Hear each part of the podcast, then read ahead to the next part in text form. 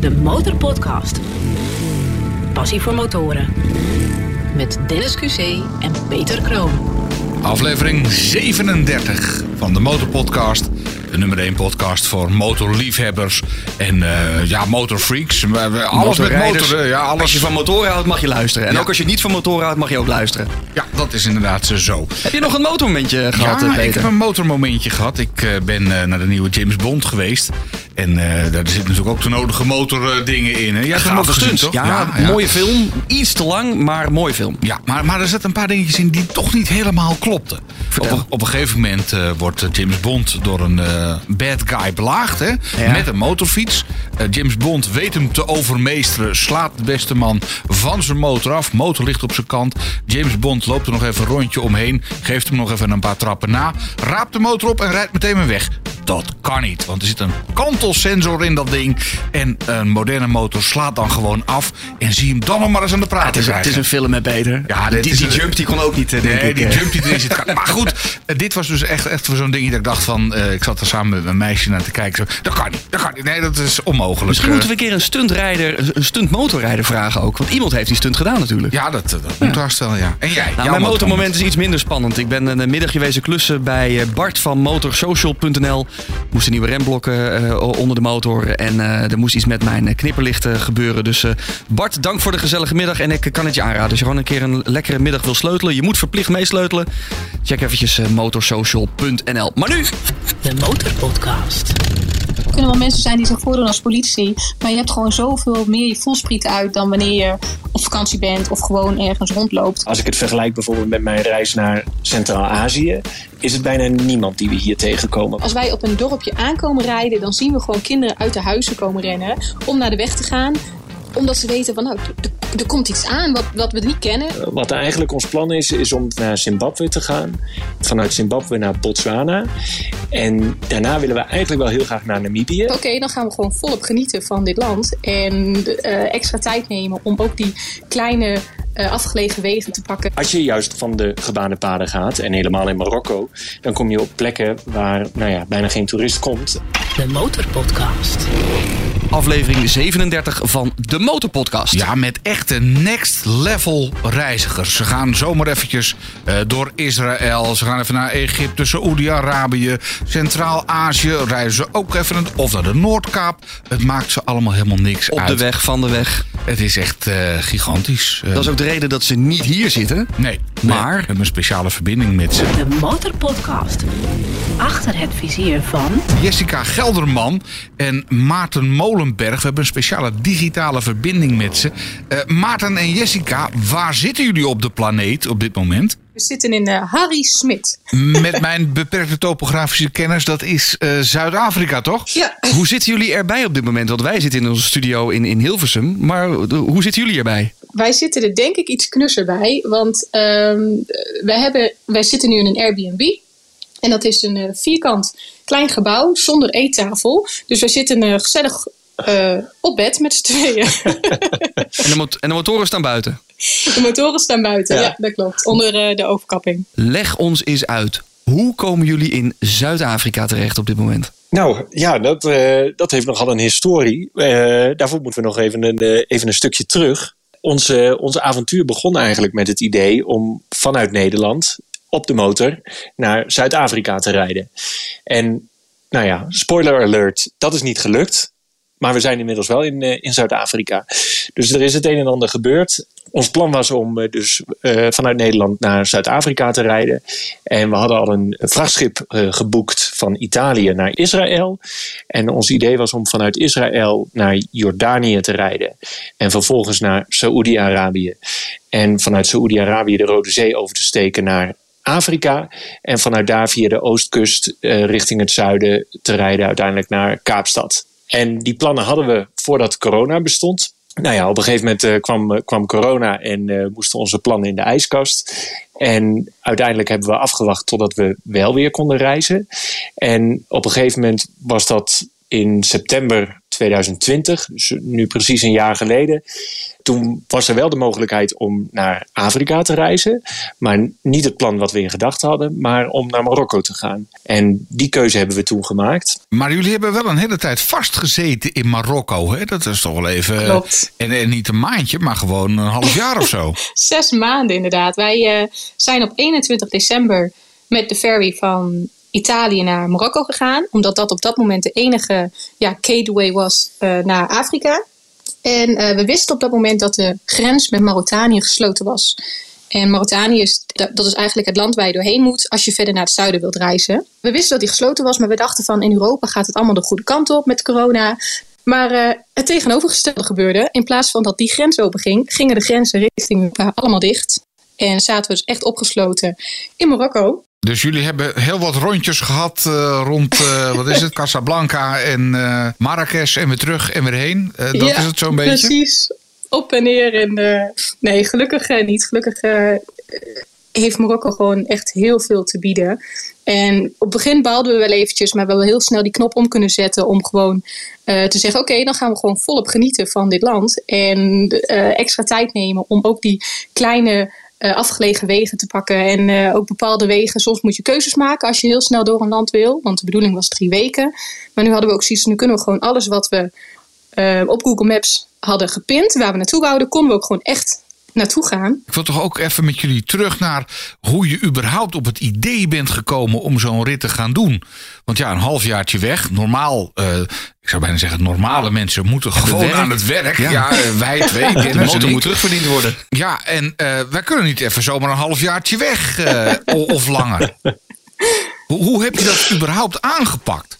Laten we eens beginnen met, uh, met dat we elkaar leren, leren, kennen. Want we kennen elkaar eigenlijk helemaal nog niet zo lang toen we aan dit uh, avontuur begonnen. We kwamen allebei terug van reizen. Je noemde net al even dat ik een uh, reis door Centraal-Azië heb gemaakt. Ik kwam terug in Nederland, ben aan het werk gegaan. En op het werk heb ik Jessica leren kennen. En op dat moment was Jessica net terug van haar reis naar Australië en Nieuw-Zeeland nou ja, we hadden meteen de, de klik daarin uh, gevonden. En Helaas genoeg... was ik niet op de motor, moet even gezegd zijn. Ik had gewoon mijn backpackie, meer had ik niet. maar uh, in ieder geval uh, allebei reislustig ingesteld. En, en het kwam al heel gauw dat we daarover begonnen te dromen van... nou, hoe mooi zou het zijn om, om samen op reis te gaan. En ik kon Jessica ook wel enthousiast maken voor het motorrijden op een gegeven moment hebben we gezegd van nou ja, als we wat willen, dan moeten we gewoon de knoop doorhakken en, uh, en, en de keuze maken. En dat hebben we toen in november 2019 gedaan. En onze vertrekdatum stond gepland op 1 april. Dus uh, dat was uh, ongeveer vier maanden later. Maar dan nog, hè? Ik bedoel. Ja, je baan opzeggen, zo'n reis ja. gaan maar. Je laat alle zekerheid laat je achter. Ik vind het nogal een ja. stap. We denken er wel eens aan terug. En dan zeggen we ook van nou, het ging eigenlijk heel makkelijk. Het was, we hadden er echt wel heel vaak over gehad met elkaar. Maar op één avond zaten we gewoon met een uh, glaasje wijn. Nou ja, wel meer dan één glaasje wijn. Zaten we daar en uh, we hadden gewoon zoiets van nou, als we dit willen doen. Voordat we gaan settelen, om zo maar te zeggen, dan moeten we het nu doen. En toen hebben we eigenlijk direct besloten van nou, laten we maar een mailtje sturen naar onze werkgever. Want we hadden natuurlijk allebei dezelfde werkgever. Uh, om een gesprek aan te vragen ja, om op dat moment toen we dat gesprek hadden, dat was echt een paar dagen later, hebben we gelijk gezegd van per 1 april nemen wij ontslag. Ja. Dus hadden we ook gelijk een uh, stok achter de deur. En wat deed je eigenlijk voor werk? En, en hoe reageerde je werkgever erop? Nou, we werkten allebei bij een, een uitzendbureau. Ja, ze wisten onze achtergrond al. Dus op het moment dat wij hadden gedeeld op het werk dat we wat hadden met elkaar, ja, was het niet een hele grote verbazing voor uh, de werkgever dat wij ontslag namen en met z'n tweeën op pad gingen. Dus uh, eigenlijk, tuurlijk, uh, ze vonden het niet leuk dat we weggingen, maar ze gunnen het ons van harte. Dus eigenlijk was het een, had het geen betere manier kunnen zijn om afscheid van elkaar te nemen. De Motorpodcast. Ik denk dat heel veel luisteraars nu denken: waar leven jullie nu dan van als jullie ja. zo lang aan het reizen zijn? Waar doen jullie dat van? spaargeld. Ja? Klinkt ja. een beetje saai, maar ja. En is, is dat goed wel. te doen? Pff, prima te doen op zich. We, de manier van reizen, uh, we hebben geld gespaard, we hebben een dagbudget. En de ene keer zit je daar iets overheen en de andere keer zit je er ruim onder. Uh, af en toe kamperen we, maar af en toe zitten we ook wel in een hotel. Want als je elke avond kampeert, dat, dat hou je gewoon niet vol. Tenminste, ik er niet. Dat is toch wel heel vermoeiend. Elke dag je tent opzetten, elke dag je tent weer uh, opbreken. Dus het balanceert gewoon. En we, we reizen best wel basic. Eh, vaak boodschappen doen, eigen lunch halen. Waar al zei, kamperen. Tot nu toe gaat het eigenlijk heel goed met het budget. Mag ik vragen wat jouw dagbudget dan is? Want ja, als ik een dagje op vakantie ben, uh, maakt eigenlijk niet uit waar. Ik ben al gauw 100 dollar verder. En dan heb ik nog niks bijzonders gedaan. en dan, zie je ook niet nou. kamperen in een tentje in de Sahara. Ja, nou, inderdaad, ik ben ook niet van een tent in de Sahara. Maar goed, uh, mijn spaargeld gaat er doorgaans op vakantie ontzettend snel doorheen. Nou, ik moet zeggen, ik denk dat wij, uh, onze eerste vakantie was met z'n tweeën naar de Noordkaap. En uh, op één motor toen nog. En terug via Rusland. Dat hebben we in drie weken gedaan. En ik denk dat wij in die drie weken meer hebben uitgegeven dan uh, hier gemiddeld in twee maanden. Dus het is totaal geen vakantie. Het is niet te vergelijken. Uh, ons dagbudget is ongeveer 42,50 euro. Met z'n tweeën. Ja. Maar dan nog, als je dan een half jaar weg bent. Dat tikt best aan. Ja, dan moet je toch best wel wat spaarcenten achter de hand hebben. Wil je dat uh, vol kunnen houden? Ja, we hebben allebei uh, goed gespaard voor, uh, voor deze reis. En, en, en, ja, het is gewoon een kwestie van, van zuinig leven als je in Nederland bent. Om, om daar uiteindelijk een mooie reis van te kunnen maken. Ja, en het, nou ja, ik, ik wil niks positief zeggen over corona. Maar we hebben een half jaar moeten wachten en onze reis, reis moeten uitstellen. En in dat half jaar, uh, in plaats van uh, veel thuis zitten, hebben wij juist extra uren gemaakt in dat half jaar.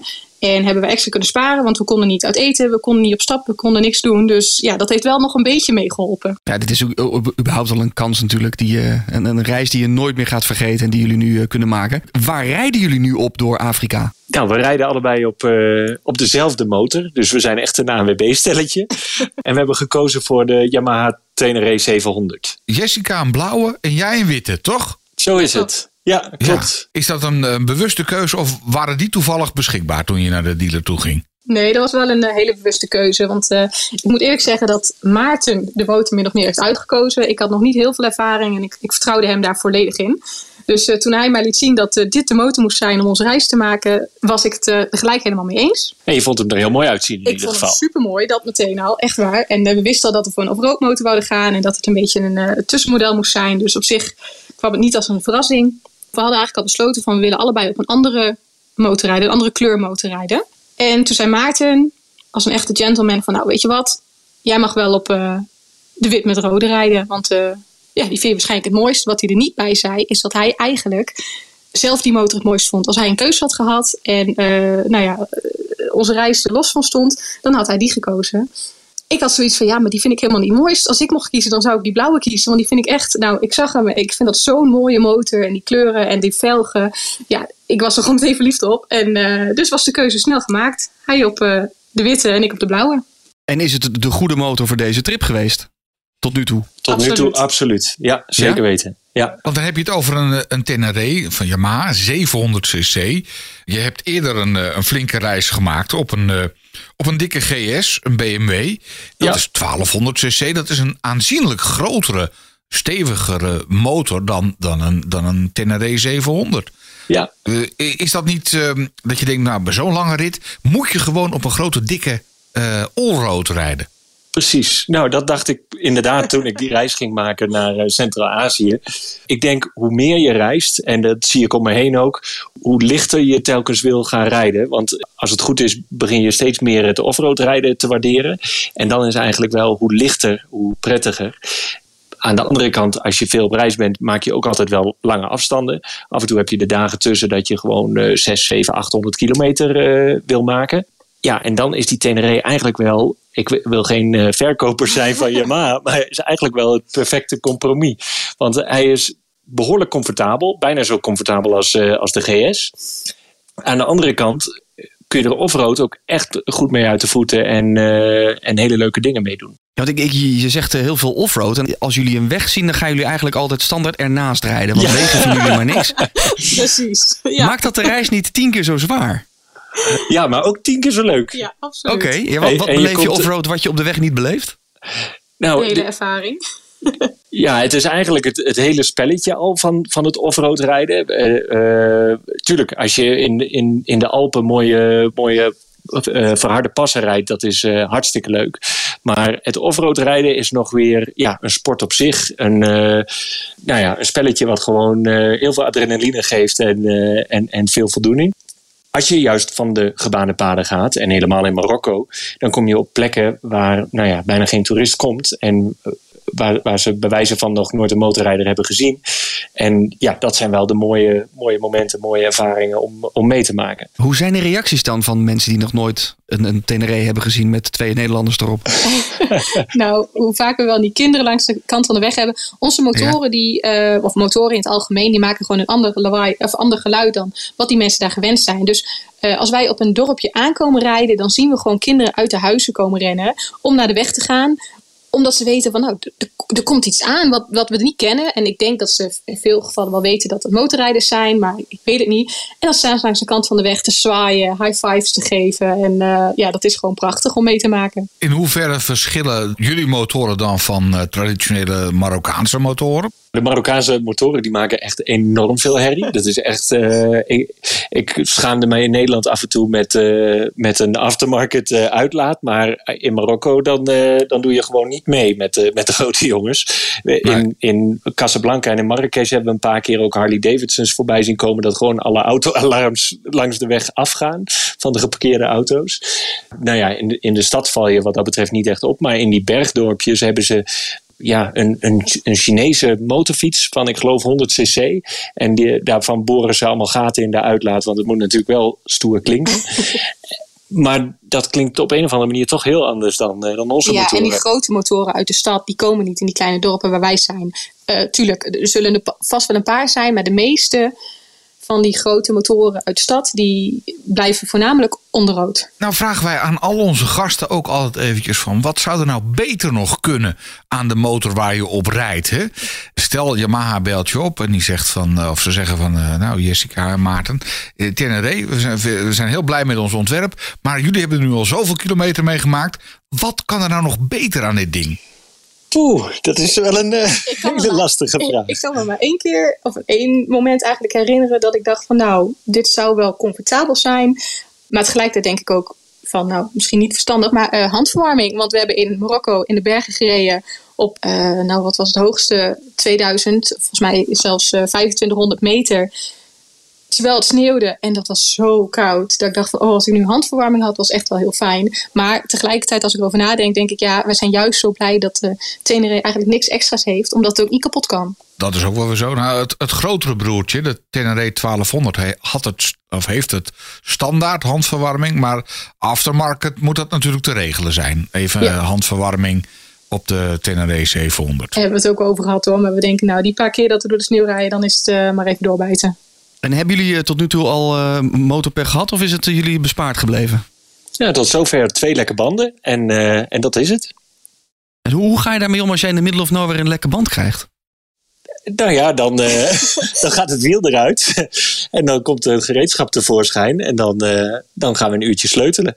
Totdat we, totdat we de band geplakt hebben en, en weer verder kunnen. Oh, je plakt echt de band nog? Ja, ja, we hebben voordat we weggingen de cursus gedaan zodat uh, mocht het zo zijn dat we in de middle of nowhere een lekker band kregen, dan uh, konden we dat zelf. Gelukkig hebben we tot nu toe elke keer, de twee keer dat we een lekker band hadden, was dat op een, uh, een goede plek eigenlijk. En hadden we alles bij de hand. Maar ja, in principe kunnen we langs de kant van de weg een bandje wisselen. En hoe zit het met jullie andere motorskills? Als er andere dingen verkeerd gaan dan een lekker band, kunnen jullie dat ook oplossen? Ja, nou ja, als het niet te technisch wordt, dan, dan kunnen we wel het een en ander. Nou, we hadden toevallig een paar dagen terug zegt uh, Jessica, terwijl we een pas naar beneden rijden, mijn achterrem doet het niet meer. En we hebben zo'n headsetje, dus we kunnen praten met elkaar tijdens het rijden. Ik zeg, nou, uh, ik zeg, probeer nog eens dan. Want, uh, nou ja, en nog, steeds, nog steeds niet. Ik zeg, nou, de, de, het kan niet zo zijn dat de remvloeistof aan de kook is, want die motoren zijn splinternieuw. Laten we maar even stoppen. En wat bleek nou? een, uh, een los plastic tasje, wat we even gauw onder de bagage hadden ge, geknupt, die was uh, gaan zakken tijdens een. Uh, ja, het was ook een offroadpas, dus het behobbelde aardig. En, en die was precies tussen de remschijf en de, en de remklauw ingekomen. En uh, die had hem helemaal opgevreten. En, uh, nou ja, en daardoor uh, was, was er geen rem meer. Viel gelukkig wel mee dus. Ja, we ja. waren er op tijd bij. We moesten wel het wiel er even uithalen om hij goed schoon te maken. Maar gelukkig viel het mee. En tot nu toe hebben we ja, buiten die lekke banden om en dat plastic tasje nog geen ellende gehad met de motoren. Wij, wij spraken in een van de vorige afleveringen Maurice Leden van BNN3 op reis. Die heeft een offroad tour door of over IJsland gemaakt. En die heeft enorm veel training daarvoor gedaan. Nou snap ik Maarten dat jij veel meer kilometers al had gemaakt dan Jessica. Maar als ik nu de beelden van Jessica zie, waar jullie allemaal doorheen ploeteren, door water, door, door mulzand. heb je daar nog training voor gehad? Nee, nee, eigenlijk niet. Ik had mijn rijbewijs in, uh, drie maanden toen we besloten om weg te gaan. Nou, uiteindelijk had ik hem een jaar voordat we weggingen, omdat het allemaal een beetje uitgesteld werd natuurlijk. En um, we hadden toen we begonnen met de reis, of toen we uh, besloten hadden we gaan op reis, hadden we ook zoiets van, nou, we zien wel hoeveel off-road we gaan rijden. We hadden al een paar keer wel de TED gereden, de Trans Euro Trail in, de in Nederland. En ik vond het leuk, maar ook wel heel spannend. Dus uh, we wisten dat Marokko ook heel veel verharde wegen had. En uh, we zouden wel zien hoe het zou gaan.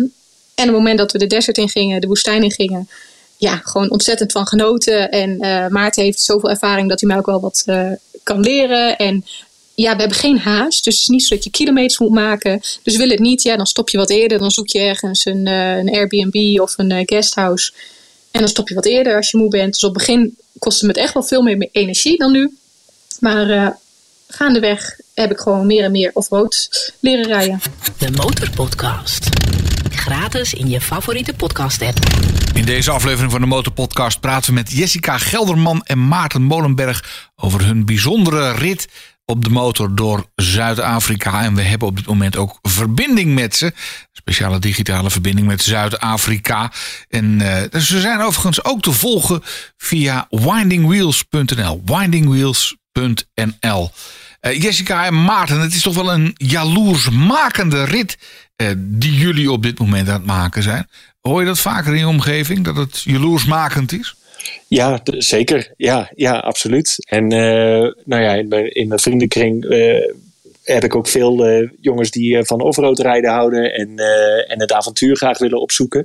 En zo was het voor mij ook altijd. Meestal bleef het bij een week of een weekendje of, of een keer twee of drie weken. En ja, dit is wel iets heel speciaals natuurlijk. Dat je geen tijdslimiet hebt in principe. En, en de ultieme vrijheid om, om, om te reizen op je motor en door de mooiste gebieden te rijden. Ja. Want jullie hebben helemaal geen planning vanaf vandaag. Nee. nee. nee. Nou ja, we, we hebben een uh, evenement uh, waar we volgende week naartoe willen. En dat is uh, Horizons Unlimited. Dat is een, een, een evenement waar, waar reizende motorrijders bij elkaar komen. En daar gaan we volgende week heen. En dan is ons volgende tijdslimiet is ons toeristenvisum wat hier in Zuid-Afrika afloopt. Over, en de portemonnee waarschijnlijk? En ja, nou ja we, we, kunnen nog wel even vooruit. Dus daar houden we op dit moment eigenlijk nog geen, uh, geen rekening mee. En wat ook het voordeel is, Zuid-Afrika is waarschijnlijk een van de duurdere landen in Afrika. Dus hoe noordelijker we komen, nou ja, hoe goedkoper het wordt. Want wat, wat is de, de, ongeveer de route die jullie vanaf Zuid-Afrika nog gaan volgen? Rijden jullie, uh, hoe rijden jullie terug? Nou, uh, we zijn nu in Zuid-Afrika. Uh, we hebben net Lesotho gehad. Daar hadden we ongeveer een weekje voor nodig, want dat is echt een heel klein landje. En na Zuid-Afrika willen we uh, via Swaziland, dat is nog zo'n heel klein staatje, naar Mozambique. Eigenlijk vanaf Mozambique weten we het al niet. we hebben wel wat verschillende routes in gedachten. wat eigenlijk ons plan is, is om vanuit daar naar Zimbabwe te gaan. Vanuit Zimbabwe naar Botswana. En daarna willen we eigenlijk wel heel graag naar Namibië.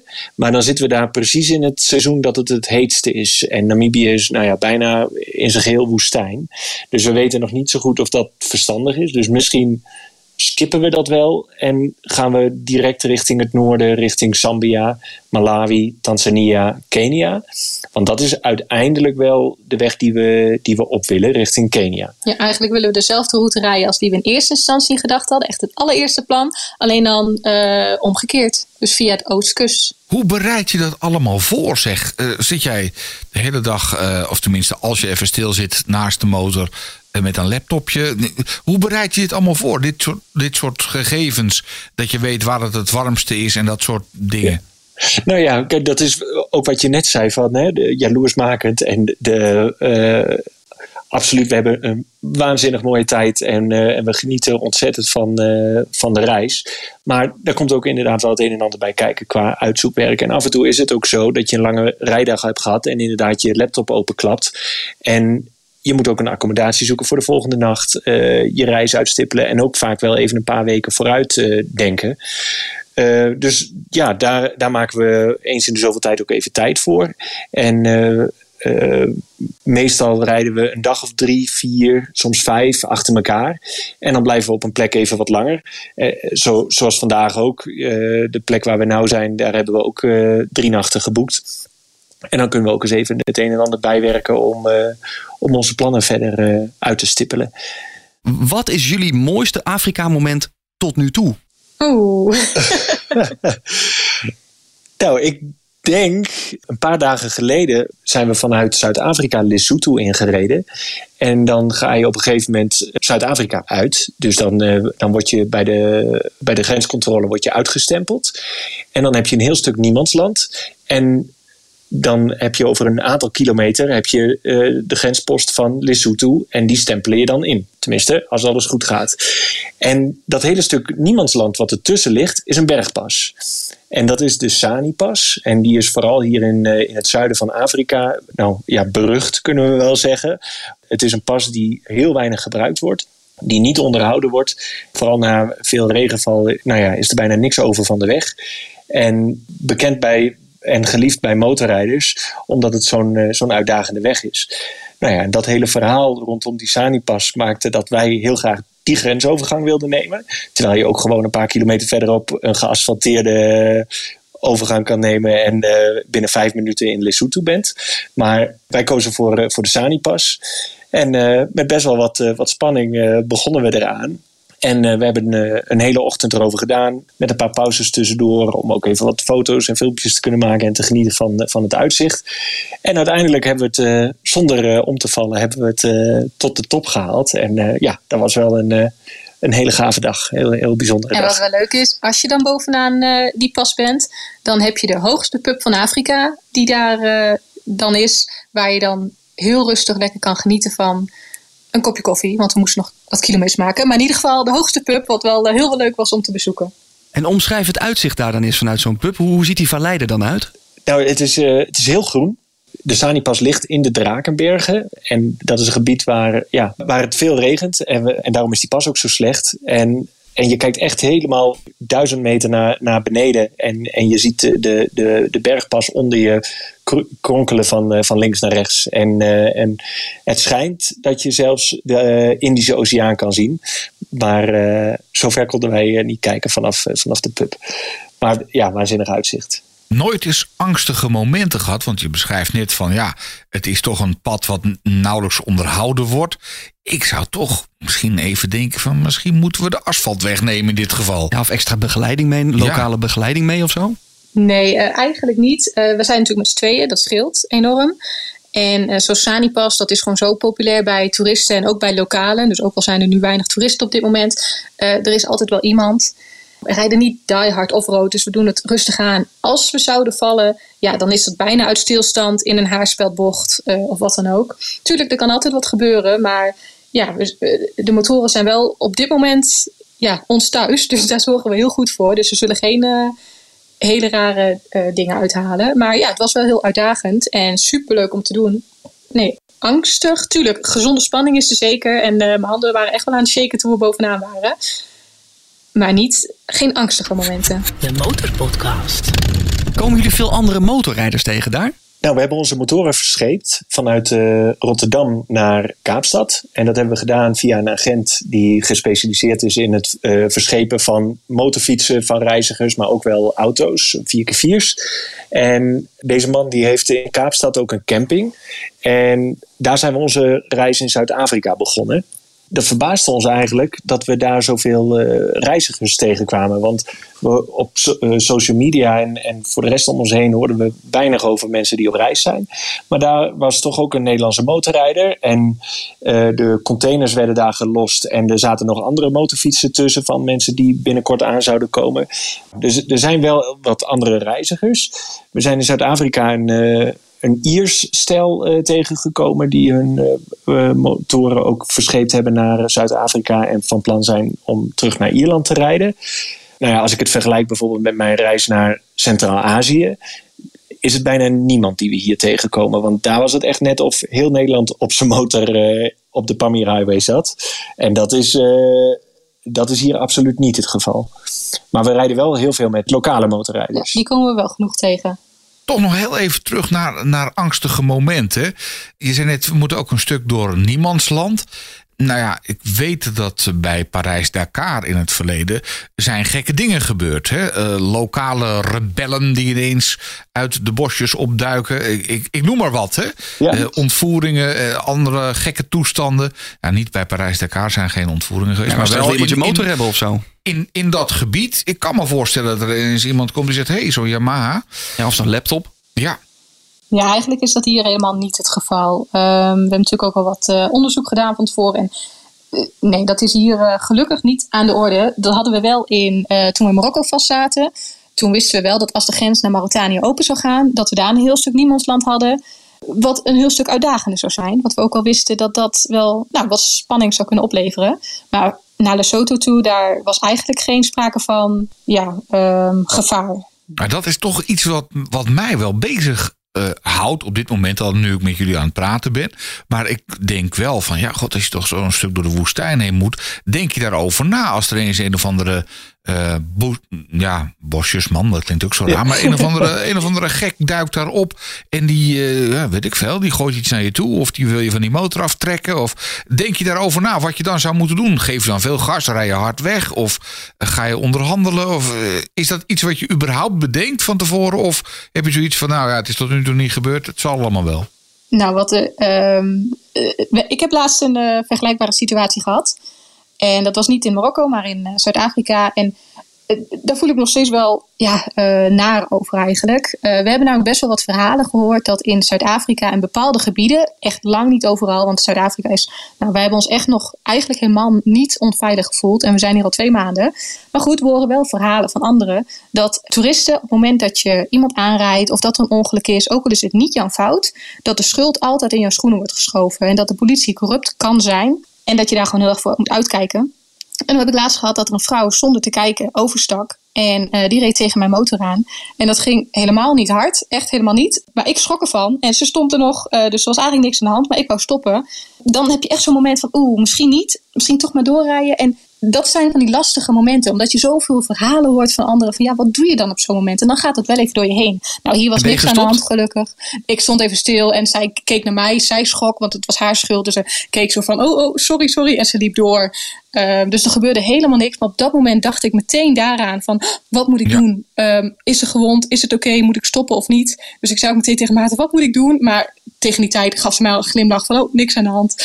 Maar dat ging wel door me heen en daar schrok ik wel van. Omdat dat niet... Um, van nature zou je dat nooit aan denken om door te rijden naar zoiets. Stel dat er echt iets zou gebeuren. Dus ja, het gaat zeker wel door ons hoofd heen. Maar op zich, jullie vinden dus uh, reizen in Afrika gewoon eigenlijk heel veilig en, goed te doen. Want je zegt wel, Peter, je kan daar van je motor afgeslagen worden. Maar je hoort denk ik meer verhalen van, van mensen die hier van een uh, scooter worden afgeslagen dan uh, dat het in Afrika gebeurt. Nou ja, ik heb het een keer in de tropen met een, met een uh, scootertje meegemaakt. Ik was daar aan het rijden als toerist. Ook gewoon ah, lekker aan het rijden. Op een gegeven moment kwam er een, een, aantal locals kwamen vrij dicht naast me rijden. Dacht ik, nou die willen mij groeten, gezellig. En die hadden hele andere plannen. Die wilden, dus, ja, die wilden oh. de scooter hebben. En die hadden eigenlijk bedacht dat ik als, uh, als blanke uitzondering daar te voet verder moest gaan. En toen ik dat eenmaal door had, ben ik er als sodemieter vandoor gegaan. is, is jullie blik op motorrijden uh, veranderd? Door al die internationale reizen?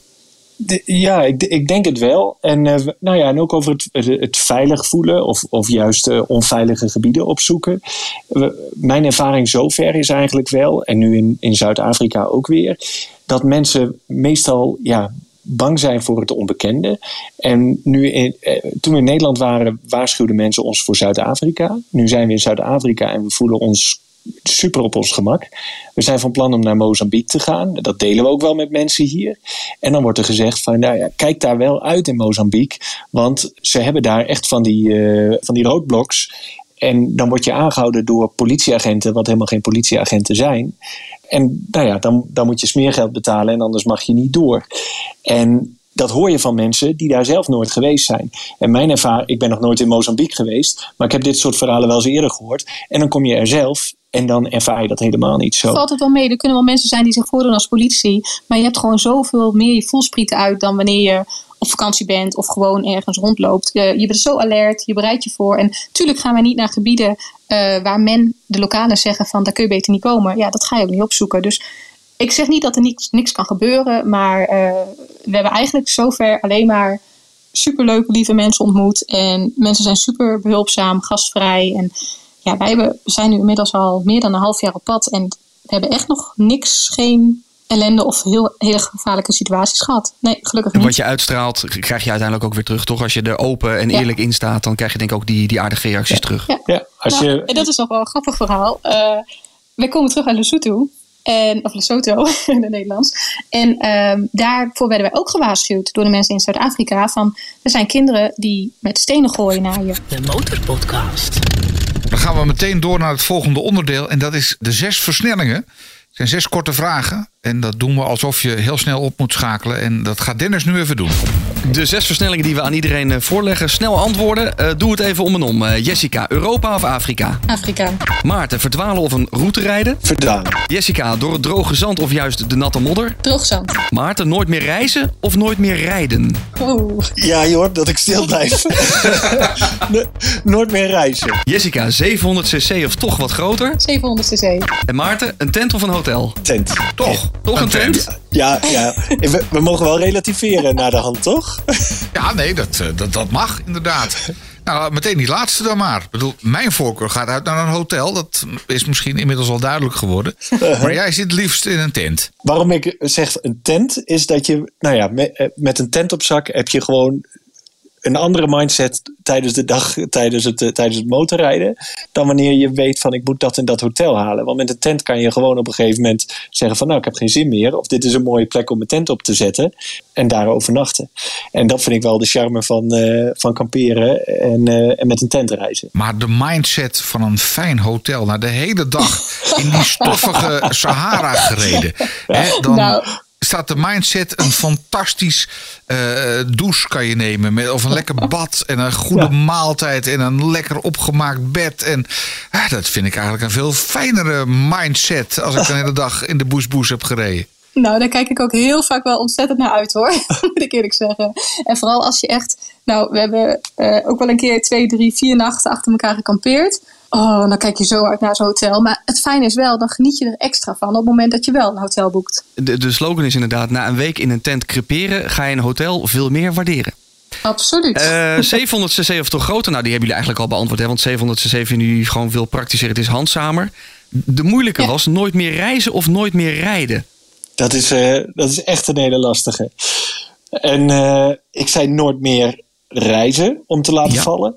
Uh, omdat ik wel zoveel van motorrijden hou, dat wil ik echt, uh, echt niet opgeven. En, uh, Dan kun je nog wel op vakantie, toch? In eigen land, ja, hè? Binnen Nederland, ja hoor. Rondje Veluwe. Ja, ja. Daar is natuurlijk niks meer aan voor jullie als je dit helemaal meegemaakt hebt. Ook van de kleine dingen blijf je genieten. Toch wel? Ja, zeker. Dat, dat, kan ik me voorstellen als je zulke reizen hebt gemaakt en je bent over een poosje weer terug in Nederland en vrienden zeggen tegen je van nou, zullen we even een rondje afsluitdijk doen? Dat je dus iets hebt ach, dat doen wij met twee vingers in de neus achterstevoren op de motor. Daar hebben we geen last van. Ja, dan op het schuine gedeelte van de afsluitdijk ook ja, nog. Ja, ja precies. nee hoor, toen wij uit uh, Marokko terugkwamen, toen uh, uh, hadden we al besloten om naar Nederland te gaan om de motoren te verschepen naar Zuid-Afrika. En toen is mijn broer ons tegemoet gekomen om samen terug te rijden naar, uh, naar Nederland. En nou, dat was dan niet in Nederland, maar we hebben ook zo genoten van die reis in Europa. Want daar heb je ook gewoon prachtige wegen. Dus uh, daar kunnen we ook volop van genieten. De Motorpodcast. Gratis in je favoriete podcast app. Nu hebben jullie uh, de ladingen vol aan de Tenere's hangen. Jullie, maar jullie zijn waarschijnlijk heel selectief geweest in wat, wat er mee moest. Hè? Want je kan niet alles meenemen. Wat missen jullie nou het meest en had je het liefst toch nog meegenomen op de motor? Nou, inmiddels niks meer. Want we hebben wel een paar keer de kans gehad om de bagage een beetje aan te passen. Maar we waren op een, uh, nou ja, eigenlijk een, een soort testreis naar uh, Corsica in 2020. Ja. Ja, ja, vlak voordat we vertrokken zijn. En dat was eigenlijk de test om eens te kijken van, nou, hebben we alles voor elkaar, hebben we alles bij ons? En toen misten we eigenlijk maar één ding. En dat was een kurkentrekker. Ja, dat is wel eerste levensbehoefte natuurlijk bij een borreltje 's avonds. Oké. Dat was al op de Teneré? Dat, was eh, op de tv. Ja. Klopt. de testrit, ja. Die kon er nog bij. Gelukkig wel. Nou, AliExpress had een hele fijne, kleine, compact kurkentrekker. Moto Camel in aflevering 3, die zweert ook bij, eh, de Teneré 700. Hè? In hoeverre heeft Yamaha jullie een handje geholpen? Ja, Yamaha heeft ons, eh, ons geholpen. Eh, via onze lokale dealer zijn we in contact gebracht met Yamaha. We hebben ons verhaal gedeeld, wa- wat ons plan was. Samen met de lokale dealer was Yamaha bereid om, eh, om ons te supporten met onze reis. Eh, Hebben ze die Tenerés aan je cadeau gedaan? Of eh, moet je ze weer inleveren na afloop? Of, Nou, dat was. eh, ehm, dat had gekund. Maar eh, eh, we hebben besloten dat we de motoren eigenlijk wel eh, wouden houden. Ook omdat we niet wisten hoe lang we onderweg wouden. Dus eh, we hebben een mooie korting gekregen. En eh, uiteindelijk hebben we de motoren zelf. eh, die zijn van ons. Naast Yamaha hebben jullie nog meer sponsoren, toch? Klopt inderdaad, ja. Maar dat is voor het goede doel. Nou ja, voor ons in, in, in Nederland is het vrij makkelijk om je, je dromen eh, ook waar te maken. En dat is lang niet voor iedereen het geval. En daarom wilden we met onze reis graag aandacht vragen en geld inzamelen voor kinderen, mensen die die kansen niet zo vanzelfsprekend hebben.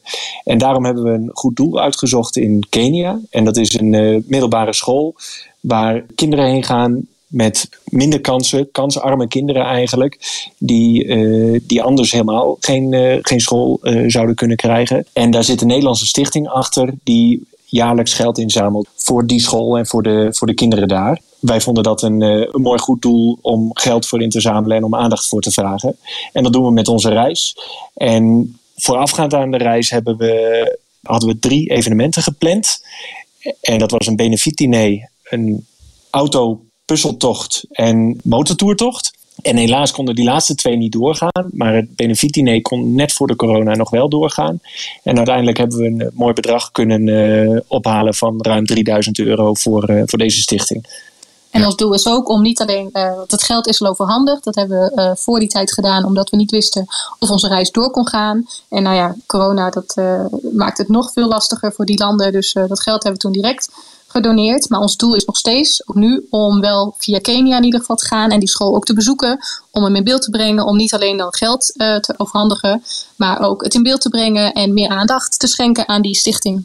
Nou, dat moet je zeker even langs natuurlijk. Als je, to- als je Ja, dan toch in de buurt bent, hè? Ja, in de buurt is relatief, maar eh, ja, mooi hoe jullie je eigen trip nog inzetten voor het eh, goede doel. En als je nou zit te luisteren en je wilt meer weten over de trip of over het goede doel, het is allemaal te vinden op windingwheels.nl. Een vaste vraag die we ook aan alle podcastgasten stellen is: wat zouden jullie doen met 100.000 euro voor je motorpassie? Dus die vraag gaan we straks ook aan eh, jullie stellen. Dus bereid je daar vast op voor. De Motorpodcast. Misschien even wat post eh, doen, Peter. Want we hebben heel veel post gekregen. We hebben het in een van de eerdere afleveringen gehad over mijn eh, cadeautje. Dat de, de Xiaomi Portable Compressor om je band op te pompen. Motor Mitch is ook fan. Inderdaad een handig ding. Hij heeft er ook een aangeschaft. Eh daar heeft iemand gemaild. Heren, waanzinnige podcast hebben jullie. Van de week jullie podcast ontdekt en ik ben er meteen verslaafd aan. Hij heeft alle afleveringen in één ruk eh, teruggeluisterd. Perfecte bezigheid voor de nachtelijke uurtjes met eh, de vrachtwagen. Het gaat om Ed Schouten uit Leiderdorp. Die heeft na 20 jaar zijn motorpassie door onze podcast weer herontdekt. Heeft sinds enige weken weer een motor, is er weer helemaal aan verslingerd.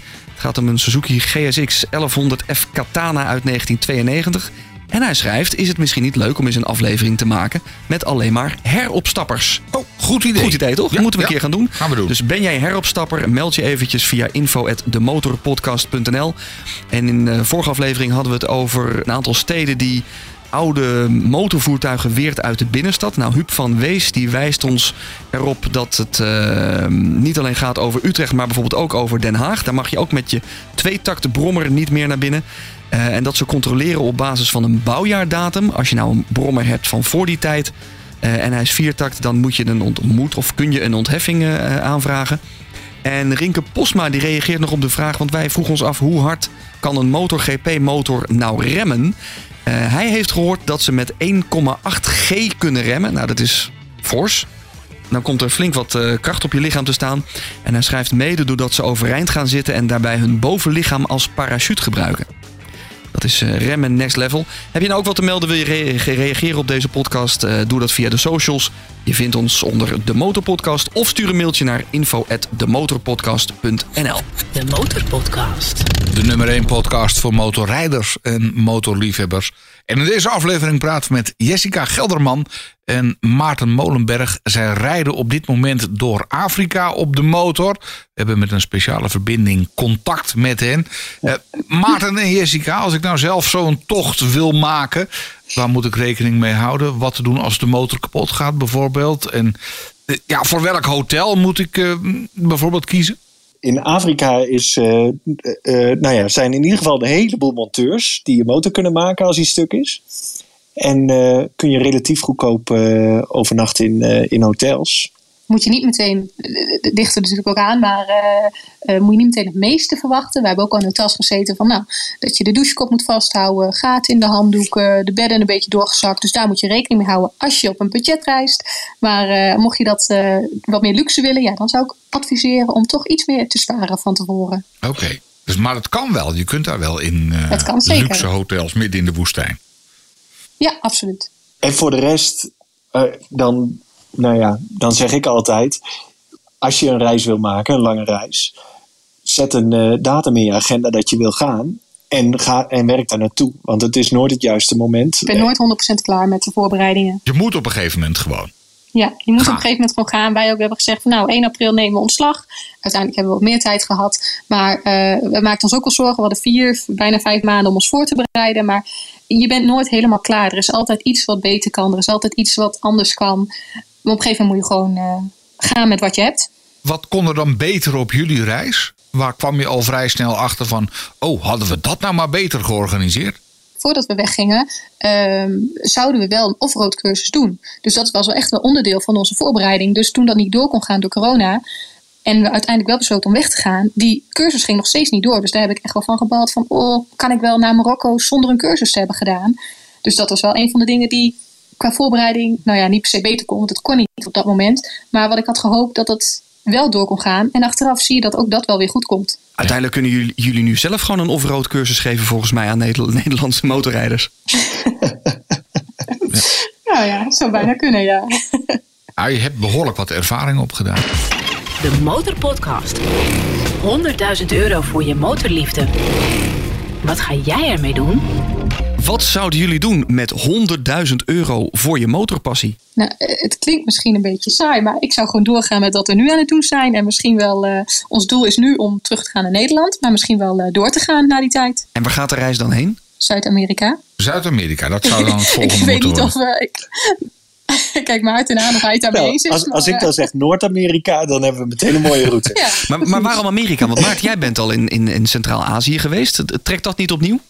Een kans om, om, om zo'n reis te maken, die, uh, die krijg je niet zomaar. En dan, hè, als, uh, als je dan toch een keuze mag maken, ga ik liever naar een gebied waar, waar ik nog niet geweest ben. Maar als ik een advies mag geven met wat ik tot nu toe gezien heb om heen te gaan voor een wat langere motorreis, dan zou ik absoluut Centraal-Azië adviseren, want het is echt heel speciaal. Ja, en met een budget van 100.000 euro. En jullie hadden een, dag, een dagprijs van ongeveer 50 euro. Hè? Dus 2000, Ja, met z'n dagen, tweeën. 2000 dagen onderweg.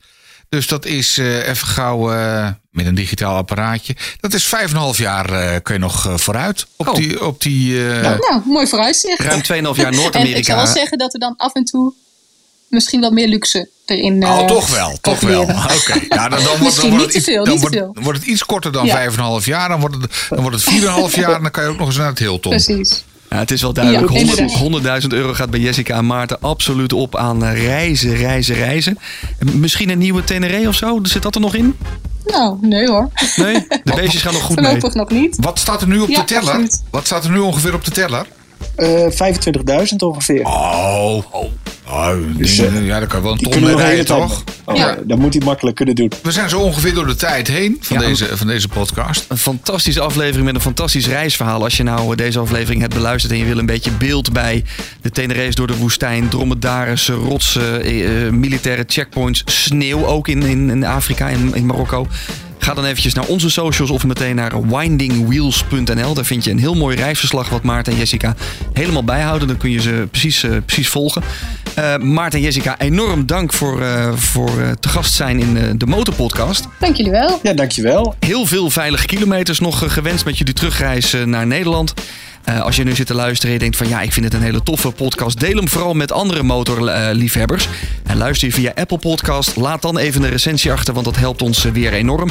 Wij zijn er over twee weken weer. In de tussentijd vind je ons op Instagram en op Facebook onder De Motorpodcast. Bedankt voor het luisteren en tot over twee weken. De Motorpodcast. Gratis in je favoriete podcast app.